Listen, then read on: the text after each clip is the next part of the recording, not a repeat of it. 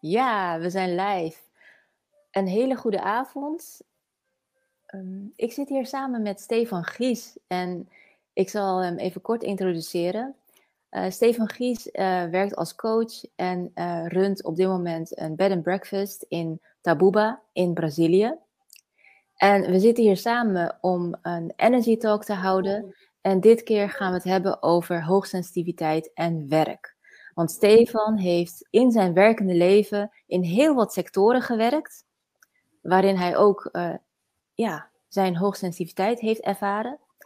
Dus we gaan heel wat van hem horen.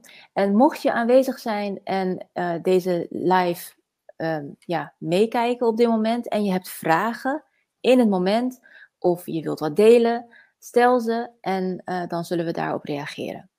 Nou, Stefan, ik geef jou het woord.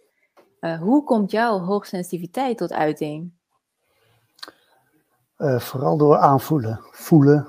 Uh, ook, ehm, hoe noem je dat? Ehm, andere mensen aanvoelen. En vooral ook onrust. tot, tot echt tot, tot ja, extreem dingen toe van dat ik op een gegeven moment tegen mensen zeg van, heb jij op dit moment last van je schouders? Oh, een of andere kramp in je schouders? Ja, ja, dat voel ik. Dat is bizar, want eh, dan heb ik zoiets van, oké, dat is gelukkig dan niet van mij, kan ik het weer loslaten. want ja. ik, heb, ik heb nooit last van mijn schouders. Dus, ja, en en van, hoe okay. komt het bij je binnen? Ja, door het zelf, ja, doordat ik het zelf voel. Dat, dat, mijn schouders gaan dus ergens op een gegeven moment ook verstijven. En denk ik van, wat is dit joh? En dat ik op een gegeven moment tegen iemand zeg van, nou, volgens mij zijn het beide schouders, maar is links er, meer dan rechts. En dan zitten ze me echt aan te kijken. Zeg, ja, ik weet het al, ik weet het zelf ook niet, maar dat is wat ik voel. Ja, dus, dus het is uh, vrij gedetailleerd wat je aanvoelt. Ja, ja in, in dat opzicht wel, ja. En ook, ook uh, je zei al in de introductie over werk. Um, dingen ook in de groep aanvoelen, uh, bij collega's, wat er speelt, zonder dat ze het letterlijk uitspreken. Maar blijkbaar zit er, dat is dan mijn interpretatie, uh, zit er in hun lichaamstaal of in hun hele, hele zijn, zit daar iets wat ik oppik.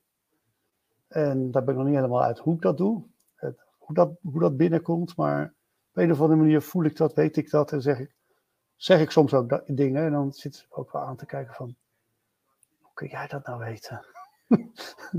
dat weet jij helemaal niet. Dat heb ik jou nooit verteld. Oké. Ja, en uh, Stefan, ik kan me voorstellen ja. dat jij zelf ook door een bepaald proces heen bent gegaan voordat je dit stuk van jou volledig kon omarmen. Um, hoe lang uh, voel je dit al bewust aan? Um, ja, dat is een goede. Um, dat was dat is een paar jaar geleden. En is dat, even denken misschien alweer een jaar of zes, vijf, zes geleden, misschien zoiets, dat ik voor de eerste keer meeging met, uh, met een retret naar Ibiza. En dat ik me toen eigenlijk bewust werd gemaakt dat er iets aan de hand was en ik was dat aan het uiten. Ik was onrust aan het uiten. Het, was allemaal, het ging allemaal niet, niet naar mijn zin en ik, ik uh, was een soort van overprikkeld. Uh, maar ik was me daar zelf niet bewust van. Ik liep een beetje te mopperen en het ging allemaal niet zo. En uh, ik stuurde iemand, uh, iedereen de keuken uit. Ik ging daarbij als, als kok in die, in die retreat. Ja, dus je was in de keuken? Ja, ik was daar in de keuken en ik was boodschappen aan het opruimen. En het, het ging allemaal niet zo. En mijn, zus, die, mijn zusje komt binnen, een van, de, een van de coaches van die retreat. En die ziet dat. En die dacht, hé, hey, dat is raar. Maar dat is Stefan niet, dus ik moet hier niet zijn. En die bleek dus dat ze de kamer daarnaast, in de woonkamer, dat daar het een en ander gaande was in de groep van die retreat.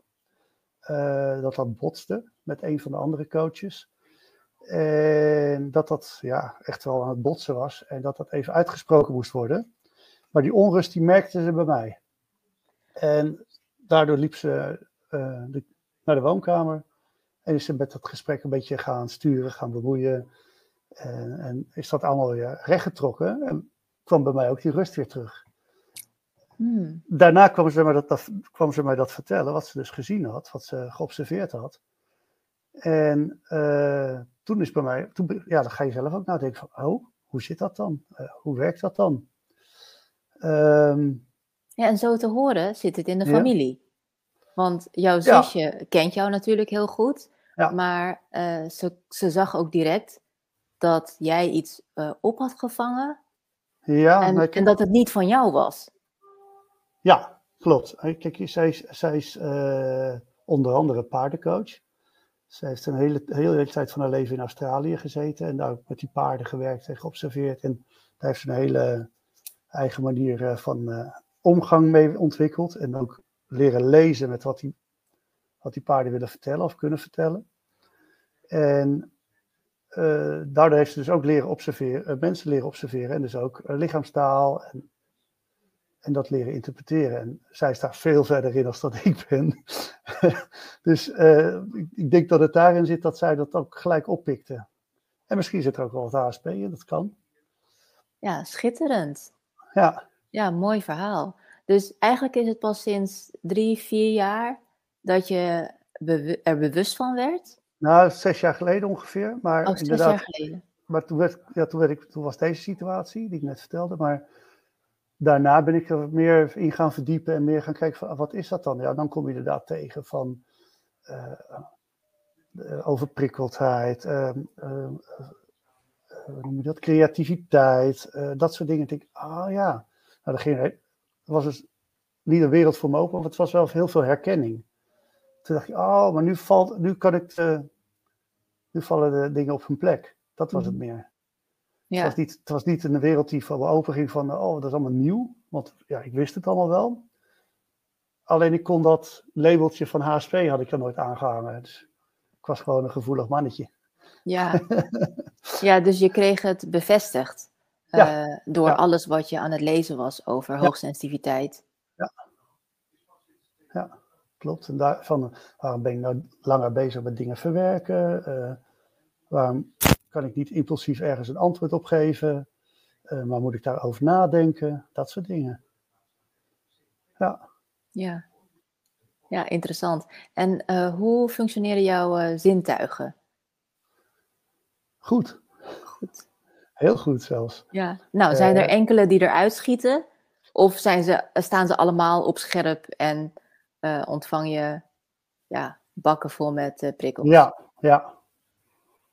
Ja, alleen het, het um, even denken hoor, uh, ho uh, mijn oren, mijn zicht en mijn uh, gevoel qua huid, dat, dat zit wel goed. Alleen de ehm, smaak ook wel. Maar meer echt sterk ruiken, dat is, dat is minder. Hm. Een moment. Waarom werkt dat niet?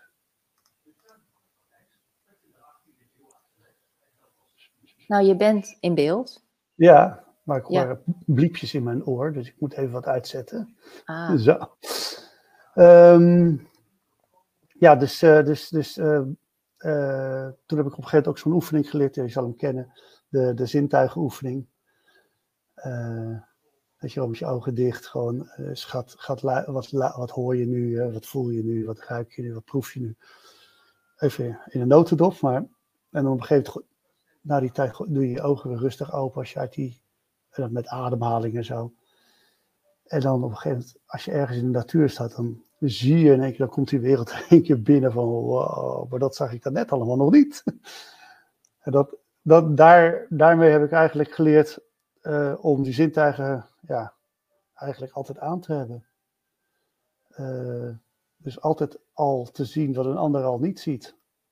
Dat als ik uh, met een coachie bijvoorbeeld aan het wandelen ben, als wandelcoach, dan lopen we ergens bijvoorbeeld in de herfst, ergens door een, door een bos. En dan loop ik drie keer langs een prachtige plek met prachtige bomen die in alle kleuren van de herfst zitten. En die coachie zit maar op die praatstoel, die kijkt niet op of om. En ik denk bij mezelf van, heb je dat nou echt niet gezien? En dan bij de derde keer lopen we langs en denk ik, nou stop je. Dan ga je eens omkeren en dan ga eens kijken wat je ziet. En dan zien ze het pas. En dan zeggen ze, maar, dat is mooi. Ik zeg, maar we zijn hier al drie keer doorheen lopen. En dan merk ik dus eh, van dat, dat hun dus heel erg in hun hoofd zitten en dat ik alleen maar, dat er bij mij dus van alles binnenkomt Mhm. via die zintuigen. En dat ik denk van, oh, oké, dat zal dan wel met dat HSP te maken kunnen hebben. Of dat ik gewoon veel meer, eh, veel meer in de stand sta van ik ben nieuwsgierig. Eh, dus ja, dat kan van alles zijn, maar dat, het valt me op dat ik dat vaker in de gaten heb en vaker zie. Mhm. Nou, en eh, wat je net al aangaf, je bent altijd een gevoelig mannetje geweest, Ja. van jongs af aan. Mhm. En ehm, waar gingen jouw interesses naar uit als kind? Oeh, heel breed. Eh, nou, eigenlijk wel eh, alles. Altijd wel nieuwsgierig. Op school altijd doorvragen bij een leraar tot vervelend toe dat de leraar zegt van eh, stop maar. en dat ik zeg van ja, maar ik ben toch kind, ik moet toch vragen. Dat is mij verteld. Als je iets niet weet, moet ik het vragen. Of als ik iets wil weten, moet ik het vragen. Nou, ik ben heel benieuwd of er kijkers zijn of luisteraars Ja, die dit stukje herkennen. Nou, laat het even weten als je het herkent. Klik like of reageer onder deze video. Ehm, ja, dat vind ik echt ontzettend mooi wanneer mensen dat doen. Dat ze doorvragen, omdat ze simpelweg nieuwsgierig zijn. ja. ja en dat, dat helpt ook in het, in het coachen eigenlijk, dat doorvragen. Dat, ehm, ja, dat leerde ik toen in de opleiding. Dat van, eh, nou, moet je gaan doorvragen om, om tot de kern te komen. Ja, en dat, dat zit er bij mij eigenlijk van nature in. Dus dat, dat vind ik al eh, sowieso al leuk om te doen. Dus dan eh, gaat dat eigenlijk als een soort van automatisme. Mhm. Ja. ja, het gaat op een natuurlijke manier en je doet er geen moeite voor. Dus Hm. ja, dat maakt het mooi om te coachen hè, vanuit ja, jouw aangeboren talenten. Mhm. Ja. Nou, Ja, en als we het nou gaan hebben over jouw ehm, werkende leven, Mhm. eh, voordat je hè, momenteel dan de, ehm, een eigenaar bent van een bed and breakfast in Brazilië, want dat is natuurlijk eh, ja, helemaal anders en out of your comfort zone. Maar Mhm. ehm, waar, in, in welke sector is jouw werkende leven gestart? Ehm, ik ben begonnen met de opleiding als verpleegkundige. Ja, ik wilde wat met mensen doen, maar ik wist echt van jongs af aan nog niet wat ik wilde doen. Heel veel, heel veel kinderen hoor je dan roepen, ik wil dokter worden, of ik wil eh, boer worden, of ik wil arts worden, of hoe heet dat, eh, piloot worden. Ja, en ik, en ik wist het nooit. Dus eh, op een gegeven moment de, de in-service opleiding van, van de verpleegkundige gaan doen, dus het eerste jaar. En dat vond ik wel leuk, maar er zaten ook wel wat dingen in wat mij een beetje tegen zaten. Van dat leren, leren, leren, dat, al die Latijnse woorden, dat zat er bij mij niet in. Ik wilde wat doen. Ik wilde ja, meer creatief, meer bezig zijn met mensen en minder met, met, met theorie. Dus eh, na een jaar heb ik, daar, eigenlijk- ben ik daar eigenlijk mee gestopt en ben ik de, de horeca ingerold. Ben ik eh, in eh, Leiden achter een bar eh, komen te staan en vrijwel gelijk was ik daar bedrijfsleider. Ja, en hoe doe je dat? Want ik, ik, ik hoor dat? in je, ik hoor in je stem dat dat je vaker is overkomen. Ja, dat, daar, ja, ik rol daarin op een of andere manier. In, eh, in eh, Leiden was het eigenlijk de stamkroeg waar we als verpleging eh, wel eens naartoe gingen. Dus eh, als we dan klaar waren met de opleiding en we gingen nog een biertje doen of een drankje doen, dan gingen we naar die kroeg. En op een gegeven moment zag ik daar dingen gebeuren waarvan ik dacht van, nou, dat klopt niet. Dus ik heb tegen die eigenaar op een gegeven moment gezegd van, nou, die bedrijfsleider van jou, sorry. Maar ja, dat bleken dus dikke vrienden te zijn. Dus ik, eh, dat schoot me in het verkeerde keel gehad. Maar ja, ik, op een gegeven moment toch een keer weer gezegd. Ik zei, nou, die bedrijfsleider, ik zeg, ik weet het niet. Ik kan er nog niet de vinger op leggen. Maar ik denk dat hij steelt van je. Nou, foute boel natuurlijk als iemand dat zegt. Want dat, Zo. wa- want dat was niet zo. en Dat, ja, ik zeg, ik weet het niet. En vervolgens zie ik hem tijdens een groot feest. Dat was volgens mij het Lakenfeest in Leiden. Zie ik hem eh, de deur uitlopen. En, en vlak daarvoor had hij de, de, de kassa's afgeramd. Dus ik denk, nou, die gaat naar de, de overkant waar de werkgever woonde. Om daar het waarschijnlijk in de kluis te stoppen. En er, eh, er breekt een eh, vechtpartij uit buiten. En daar duikt hij in om dat uit elkaar te trekken. En toen heb ik tegen die eigenaar gezegd: Ik zeg, nou, Ik zeg, dit is net gebeurd. Ik zeg, geloof me, dat geld komt niet in jouw kluis. En dat bleek dus te zijn, want dat ging hij controleren. En toen heeft hij hem dus inderdaad op staande voet ontslagen. Want hij was dan zogenaamd het geld kwijt uit zijn borstzakje. Mm.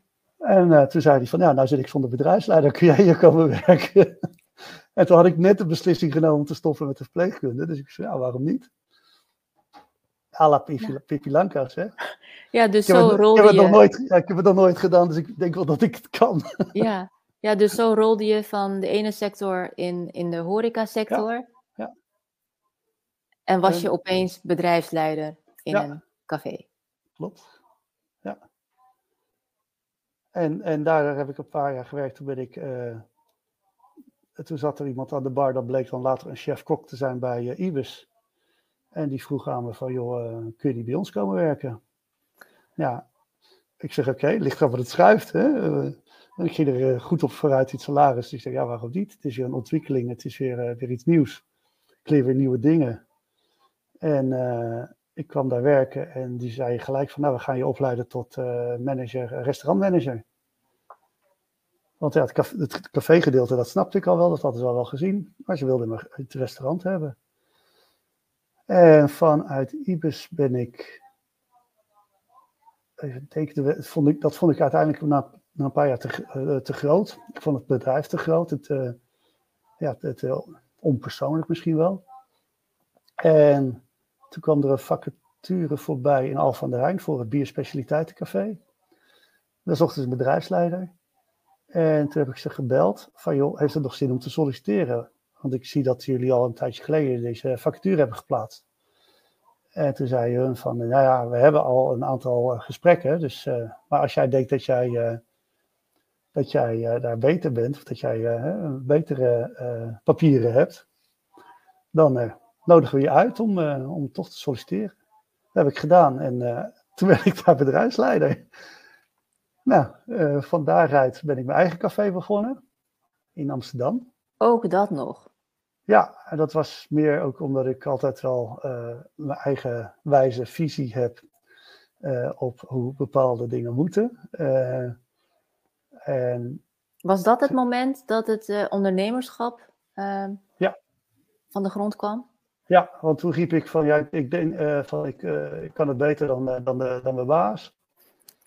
En dan de eigenaren van waar ik nu werk. En toen zei een vaste klant van, nou, dan pak je de zaterdageditie van de Telegraaf. En niet alle transacties, niet alle pagina's vol. Blind pikken en wat je pikt. Het is bluff dat je dat koopt, of dat je dat huurt, of wat dan ook, wat er staat. En dat je daar iets gaat beginnen, wat horeca.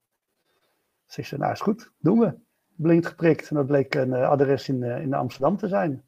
Net om de hoek van het Rembrandtplein. Nou, Stefan, uh, wat ik hier mooi aan vind, is dat jij kan zeggen dat je het beter kan dan ja, de, de, werkgevers waar je voor werkte.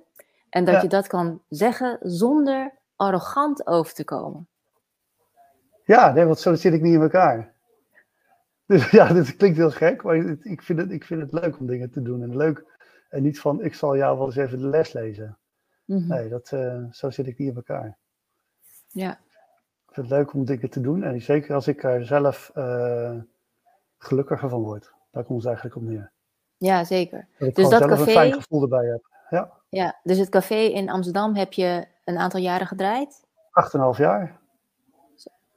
Ja, en uh, toen het laatste jaar uh, werd mijn vader ernstig ziek. En dat was voor mij eigenlijk de, de, de, de druppel of de, de, de, ja, de, de, het laatste zetje om te zeggen van hé, hey, het is weer tijd voor wat nieuws. Ik moet eigenlijk weer uh, de zaak verkopen. Uh, bij een werkgever gaan werken, zodat ik wat meer vrije tijd heb. Want in een, met een eigen café ben je gewoon wat, wat meer uren kwijt als dat je gewoon een fulltime contract bij een, bij een werkgever hebt. Zodat ik meer tijd heb om bij mijn ouders te zijn, meer tijd heb als het nodig is dat ik dat kan zijn. En de regeltjes in Amsterdam werden toen ook wat strenger en wat strakker. Dus er was een optelsommetje allemaal bij elkaar. Maar de, de reden dat mijn vader ernstig ziek werd, was wel de hoofdreden natuurlijk. Maar dat is de reden waarom ik de zaak toen verkocht heb. En toen ben ik uh, de evenementen ingerold, festivals. En ook weer door iemand die weer bij me aan de bar zat. En gevraagd heeft van ga een keer mee naar zo'n festival, dat is leuk, ben je er ook een keer uit. En van daaruit heeft hij, die cateraar van dat festival, heeft mij later weer contact gezocht met me. En die vroeg dus of ik mee kon naar, naar Antwerpen. En dat was mijn tweede feestje voor hem. Het eerste feestje had hij me zien werken. En het tweede feestje was Antwerpen. Dan kreeg ik gelijk drie barren en een VIP-deck. En ik moest het allemaal maar regelen. En personeel aansturen. En uh, ik werd gelijk in diepe gegooid. Dus uh, ja, dat was wel leuk. ja, maar dat kan jij dus blijkbaar hebben. Uh, ja. Je wordt in het diepe gegooid. En vanaf dat moment gebruik je je helikopterview. En ja. ben je aan het werk. Ja, ja. ja en mensen vragen ook wel eens van uh, als, je, als, je, zo gevoelig bent, dan, dan, dan wil je niet tussen de massa's mensen instaan of zo. Hoe deed je dat dan met je café of hoe deed je dat in de festivals? Als je, nou, in mijn café zat er een bar tussen, letterlijk en figuurlijk was dat de grens. Uh, was mijn eigen space was achter de bar, dan had ik ruimte zat. En voor die bar waren, waren onze uh, gasten, dus geweldig. En in de festivals ja, was ik projectmanager. En liep ik eigenlijk altijd de backstage routes dan hoefde ik nooit door het, eh, publiek heen. Dus dat kun je ook niet zo, snel overprikkeld raken. Dus wat dat betreft was dat, ja, zie ik eigenlijk nu, dat was een stukje bescherming. Maar voor mij was het eigenlijk meer zoiets van, ik doe dit niet uit bescherming, ik doe dat omdat het prettig voelt. Dus, dat, ja, is een hele andere gedachte. En nu ik zo de laatste jaren met dat HSP bezig ben en een beetje aan het ontdekken van, wat, kom, wat zit daar dan allemaal in en wat, wat past daar, wat klopt daarvan? dan is het, oh, maar daarom liep ik die routes. Oh, daarom sta ik achter een bar en niet voor de bar in de bediening of voor in een restaurant in de bediening, maar meer de helikopterview en mensen aansturen. En, uh, ja. ja, dus met terugwerkende kracht uh, kun je het allemaal plaatsen.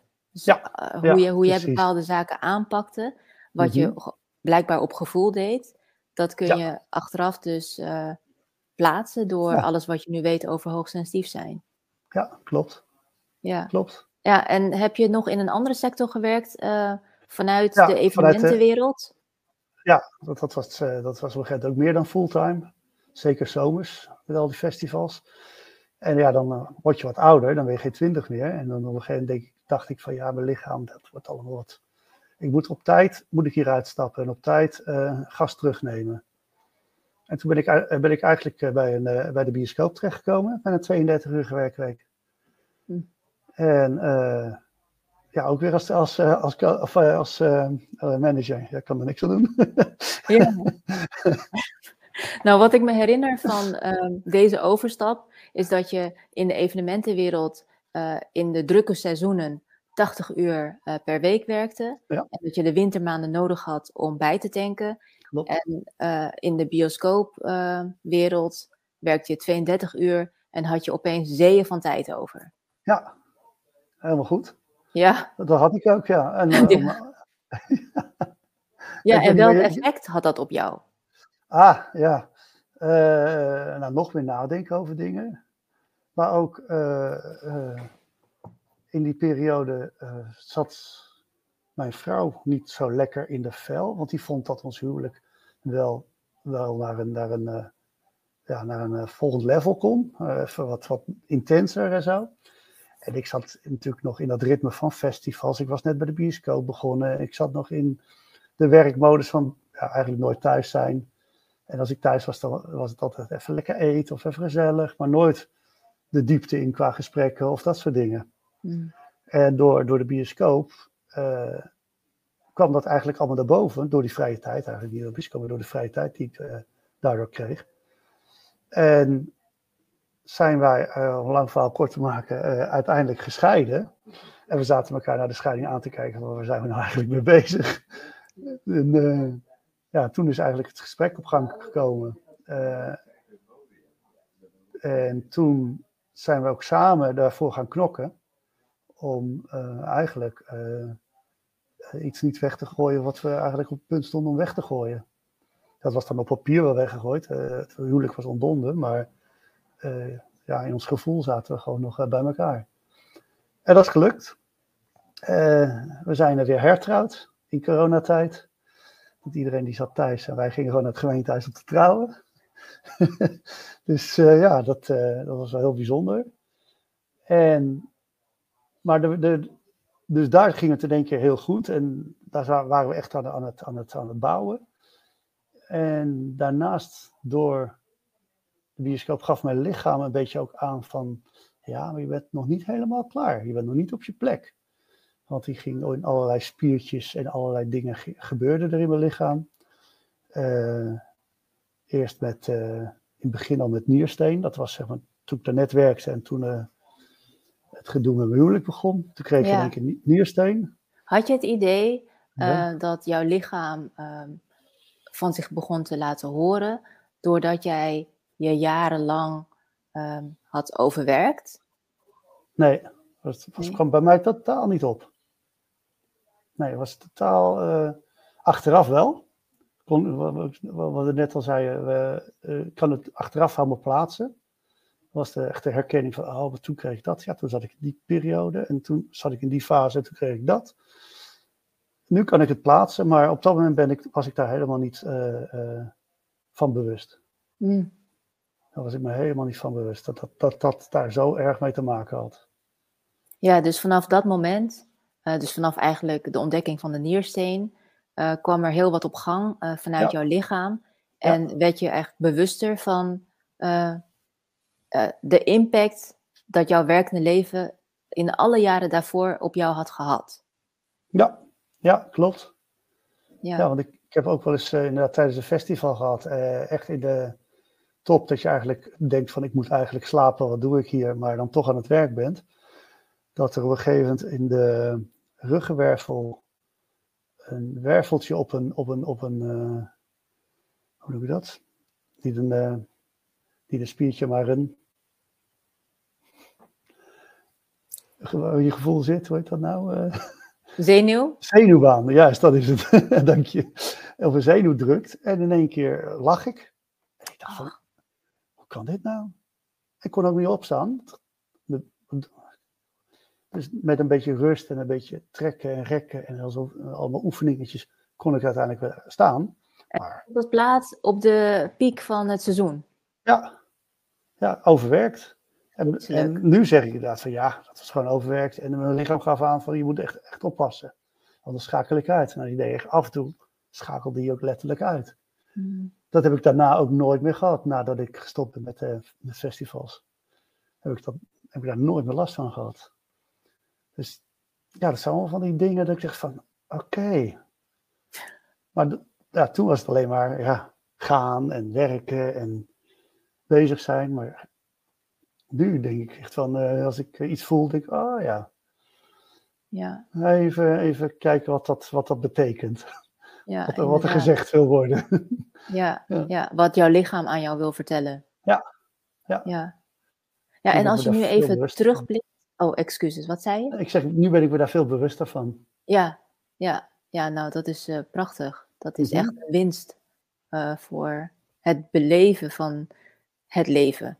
Mm -hmm. Laat ik het zo zeggen. Ja. ja. Nou, wat ik net wilde zeggen, um, als je dan nu even terugblikt op alle sectoren waarin jij hebt gewerkt als hoogsensitief persoon, mm -hmm. um, waar, in welke sector voelde jij je het meest thuis? En kwamen jouw kwaliteiten tot hun recht? Ik denk toch coaching. Die hebben we nog niet benoemd. Maar uh, we waren bij de bioscoop gebleven. Uh, tijdens, uh, nou ja, eigenlijk in die periode dat ik meeging op retreat naar Ibiza. En dat is eigenlijk in de periode van de, van de bioscoop geweest, die laatste jaren. Um, werd ik me steeds bewuster en bewuster en bewuster van, van mezelf, van, van, de, van de zintuigen, van wat ik voel. En toen op een gegeven moment uh, corona kwam, en vooral de lockdowns, uh, heeft, ja, zette mij dat aan tot, tot nadenken over van wat wil ik nog? En uh, ga ik hier blijven tot mijn pensioen? Of wat, wat wil ik nog? En toen heb ik besloten om een, een coachopleiding te gaan doen. Dat zat, dat, die, die gedachte had ik al voor, voor corona trouwens, dat was 2019. Maar in 2020 ben ik er echt mee begonnen. En ja, dat heeft ook weer heel veel gebracht. Ja. ja, en daar, zit, daar heb ik wel het gevoel dat ik en door mijn eigen, mijn, mijn eigen nieuwsgierigheid, maar ook ja, naar anderen toe, maar ook hoe dat bij anderen werkt en hoe dat bij mij werkt. En dat er toch verschillen in zitten. En nou ja, was dat eigenlijk een logische keuze om, om die opleiding te gaan doen. Mm -hmm.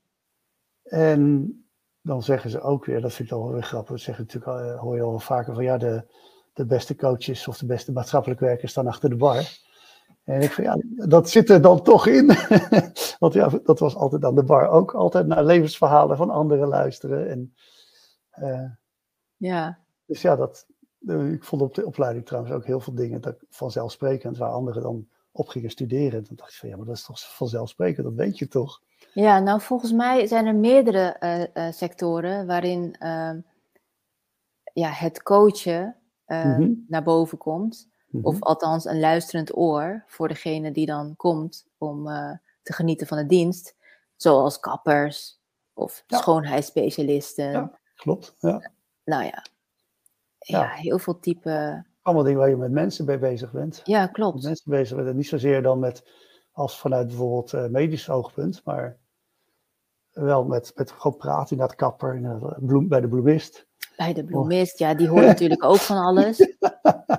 ja, ja. ja. Dat zijn wel inderdaad allemaal beroepen die, uh, die met mensen bezig zijn.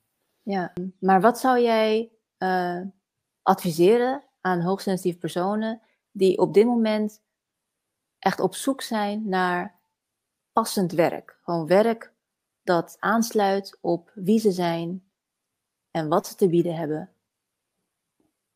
Uh, oei. Uh, ja, je moet, ik denk dat je jezelf dat kan afvragen. Wat, wat doe je het liefst? Waar word je blij van? Uh, en, dat, en dan moet je even niet denken aan wat, hoe komt er, hoe, waar komt er dan geld binnen? Hoe komt er geld binnen? Dat is helemaal niet belangrijk op dat moment.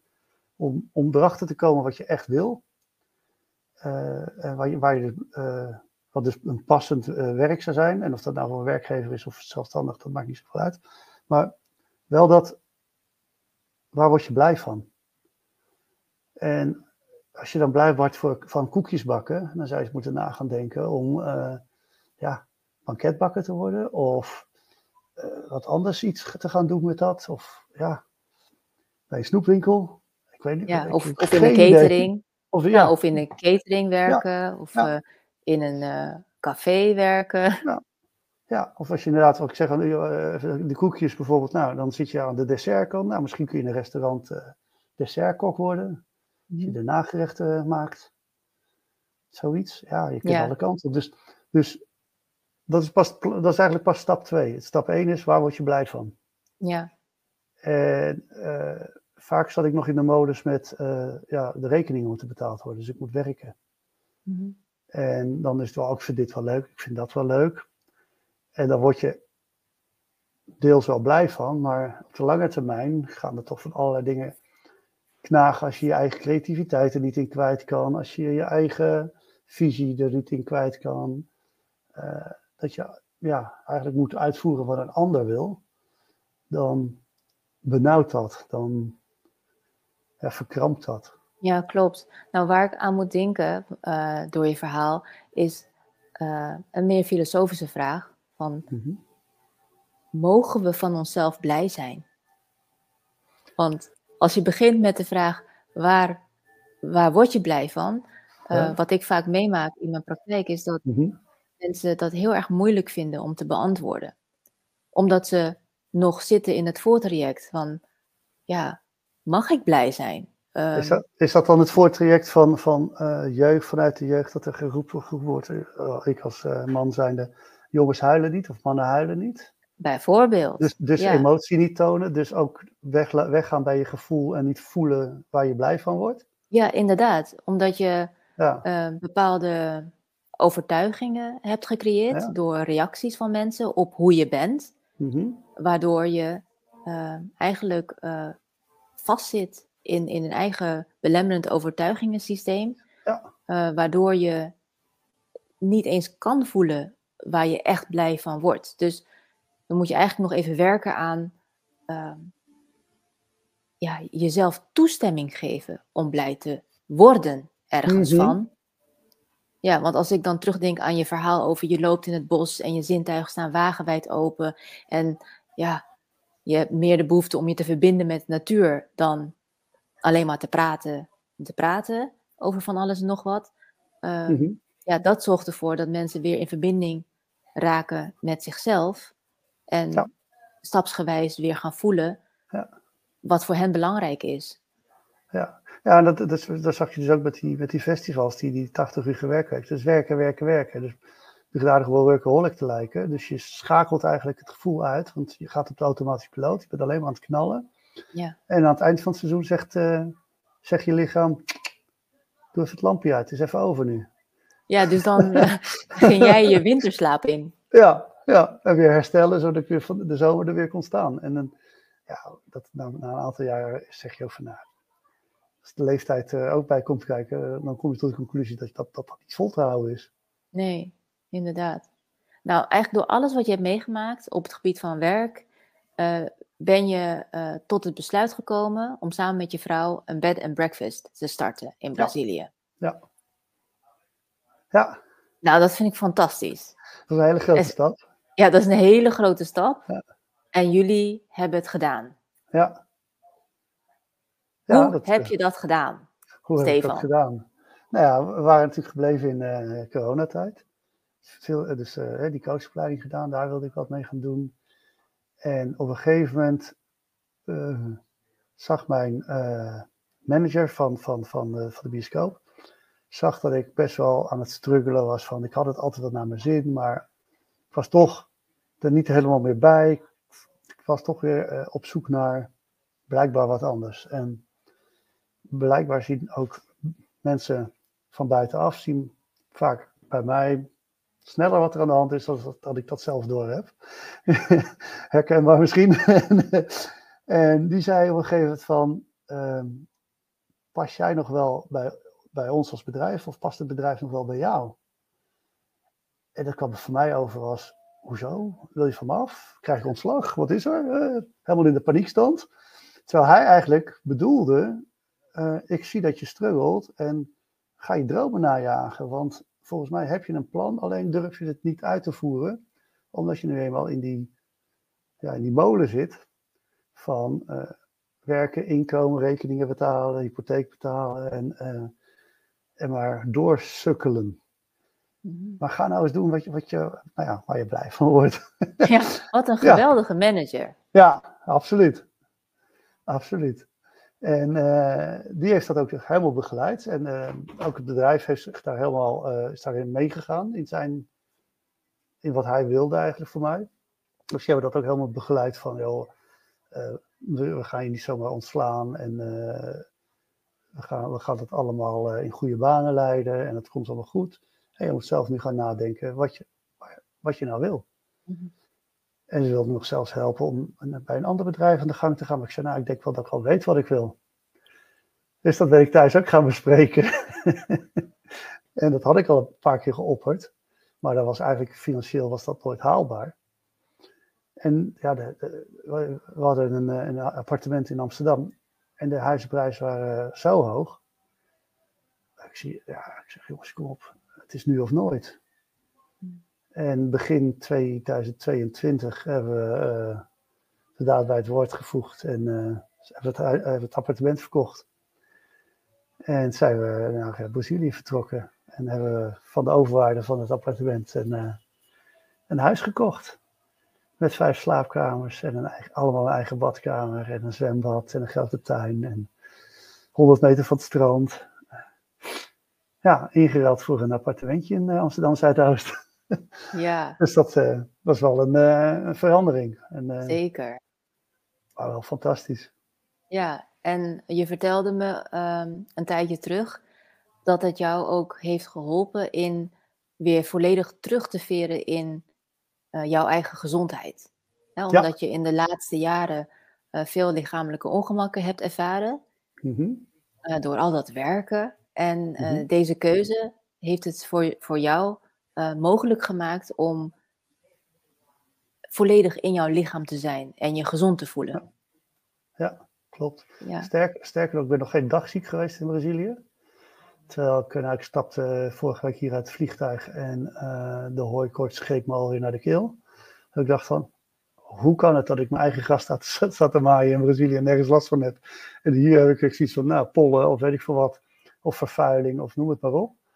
Dat is echt bizar.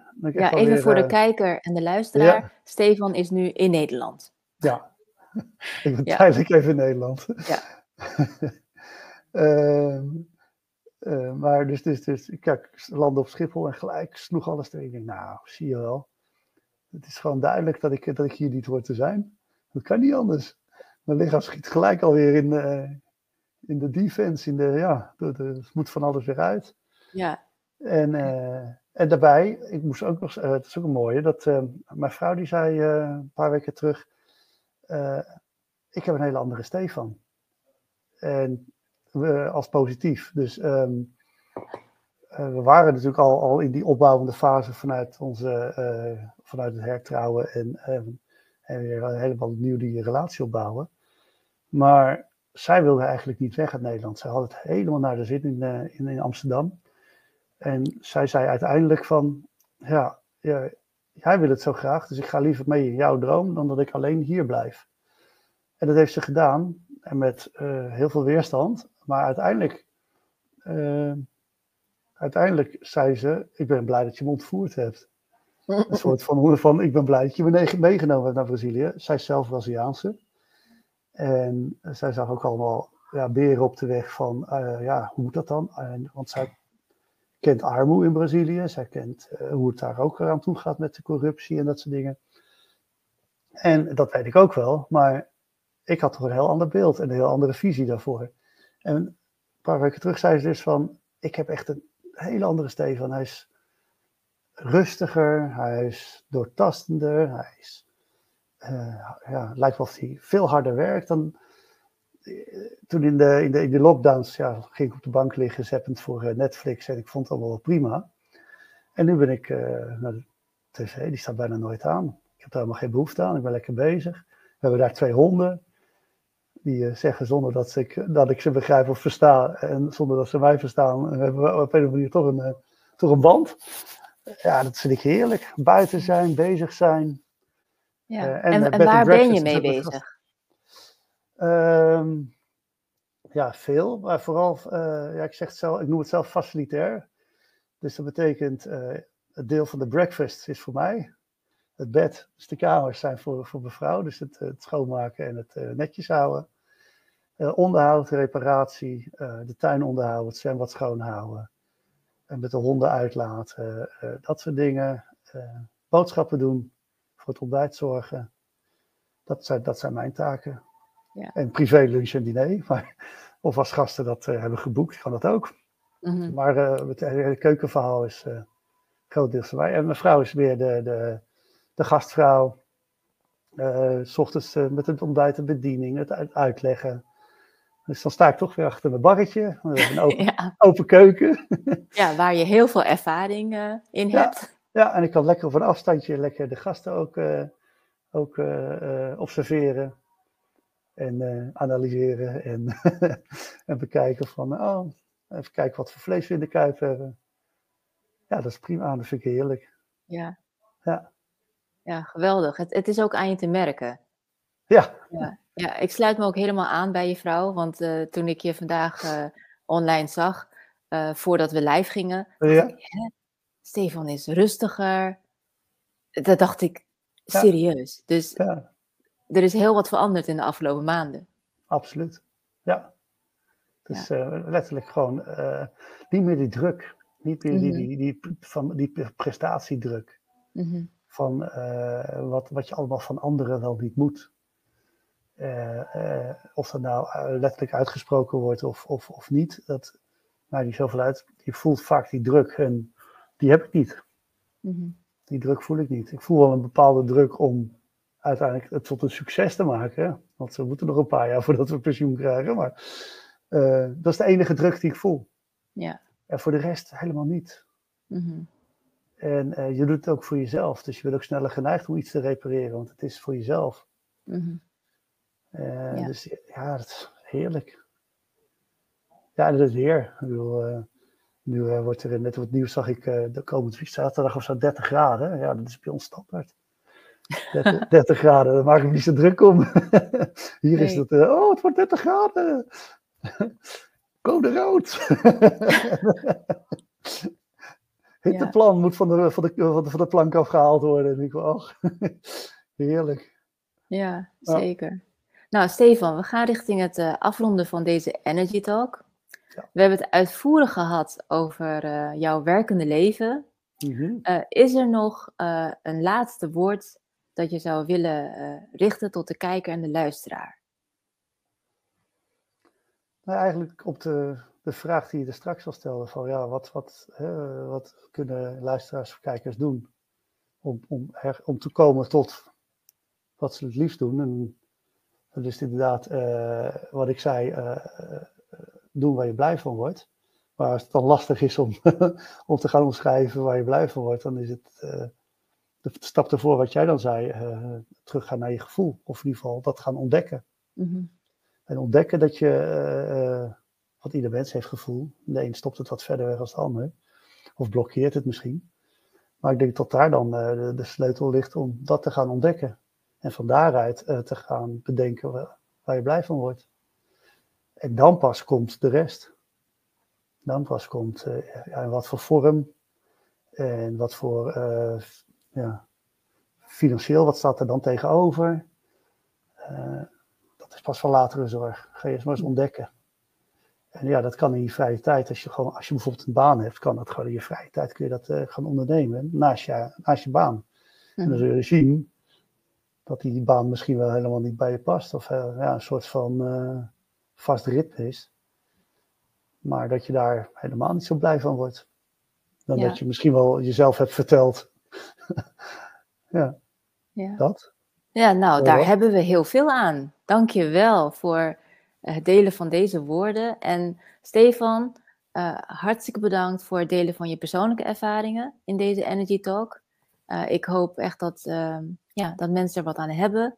En, en, en, en meenemen uit, uit jouw verhalen dat, dat die timing hè, in jouw leven is altijd zo goed geweest. Je rolde ja. van het ene in het andere. Ja. En um, wat me op is gevallen is dat dat ook komt door je uitstraling. Weet je, dat je ja, gewoon lekker contact maakt mm-hmm. met uh, de mensen om je heen. En ja, en zo uh, ging je van het ene naar het andere ja. toe. Ja, ja. ja. Ja, echt een, een, een trappetje omhoog, uh, zeg maar, het laddertje van het leven. Zo, ja. zo moet je zien. Ja.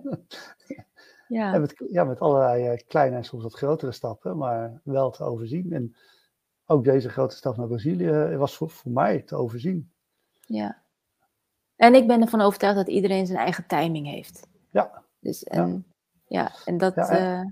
en doe ook, uh, wat, ik, wat ik ook in de opleiding geleerd heb van degene die die, die opleiding, uh, die, die, dat opleidingscentrum begonnen was. Die zei, als je aan oudere, hoogbejaarde mensen vraagt, waar heb je spijt van in het leven?